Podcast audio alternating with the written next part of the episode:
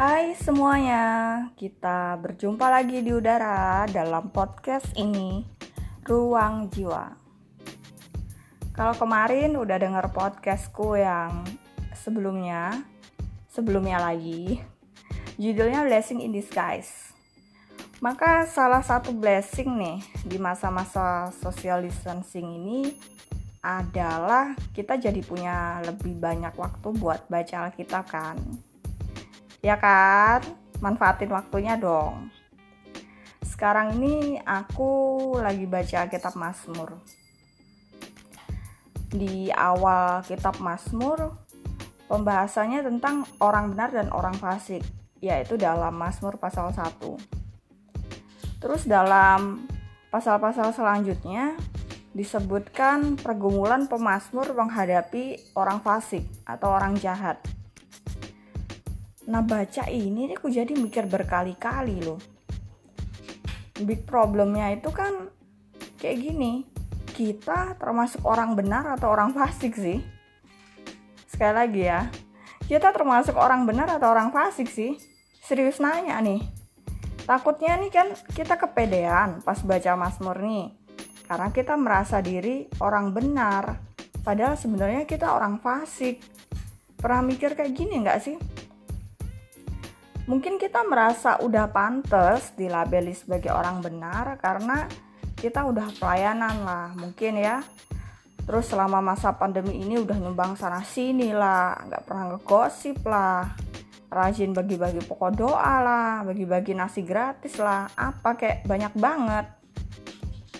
Tapi coba kita mikirnya gini terkadang seseorang bahkan orang Kristen sekalipun ya bisa kuat di bagian tertentu, dalam artian nolak dosa maksudnya nih. Tapi lemah di bagian lain. Dan yang tahu kelemahan kita itu seringnya ya cuman kita dan Tuhan.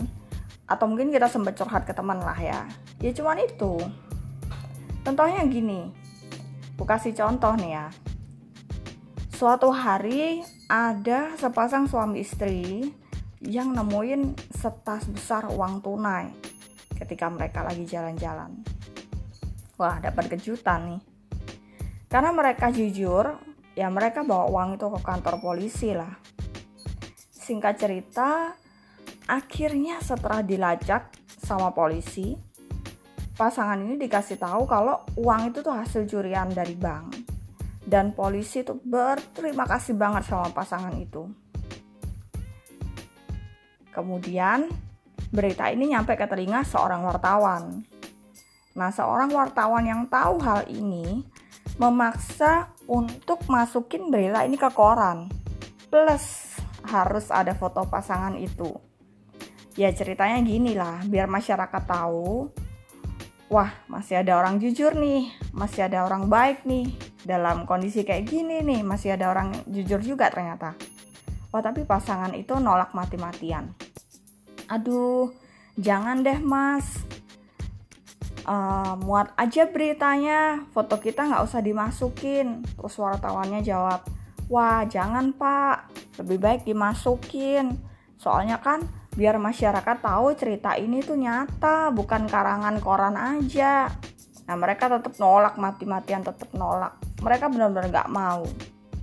Kalian tahu nggak kenapa pasangan ini sekalipun udah melakukan perbuatan yang jujur baik tapi nggak mau mereka dipublikasikan.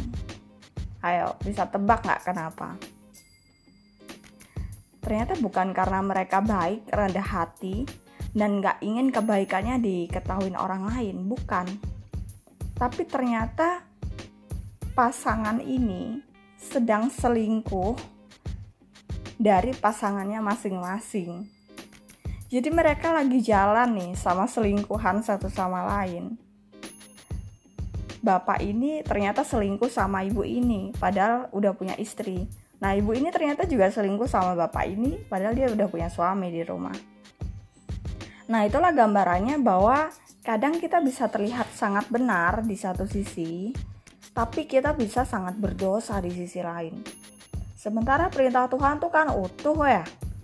Ketaatan sebagian ya bukan ketaatan namanya. Gimana dong?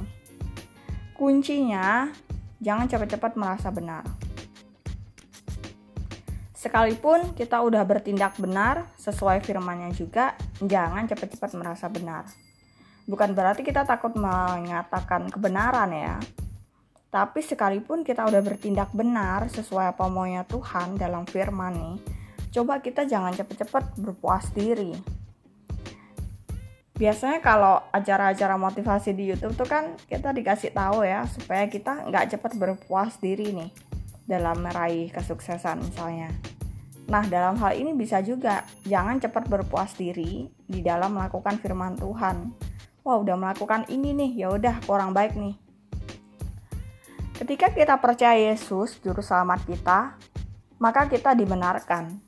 Iya kita dibenarkan dan yang kedua, kita juga masuk proses pengudusan. Proses pengudusan ini berlangsung seumur hidup. Jadi tiap hari kita terus dikuduskan, dimampukan untuk melakukan firman Tuhan juga dengan pertolongan Roh Kudus. Catat baik-baik ya, bukan karena kemampuan kita.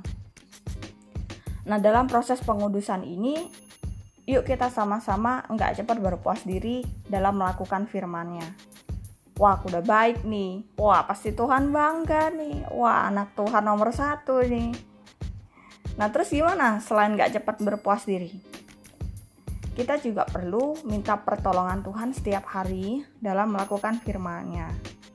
Sadar bahwa ketika kita mampu, itu juga bukan karena kitanya yang hebat, tapi Tuhan yang memampukan. Dengan demikian, kita akan sadar sebenarnya kita selalu butuh Tuhan. Dan kita juga terus menyadarkan diri pada salib Kristus. Kiranya bisa menjadi berkat bagi setiap kita. God bless you all.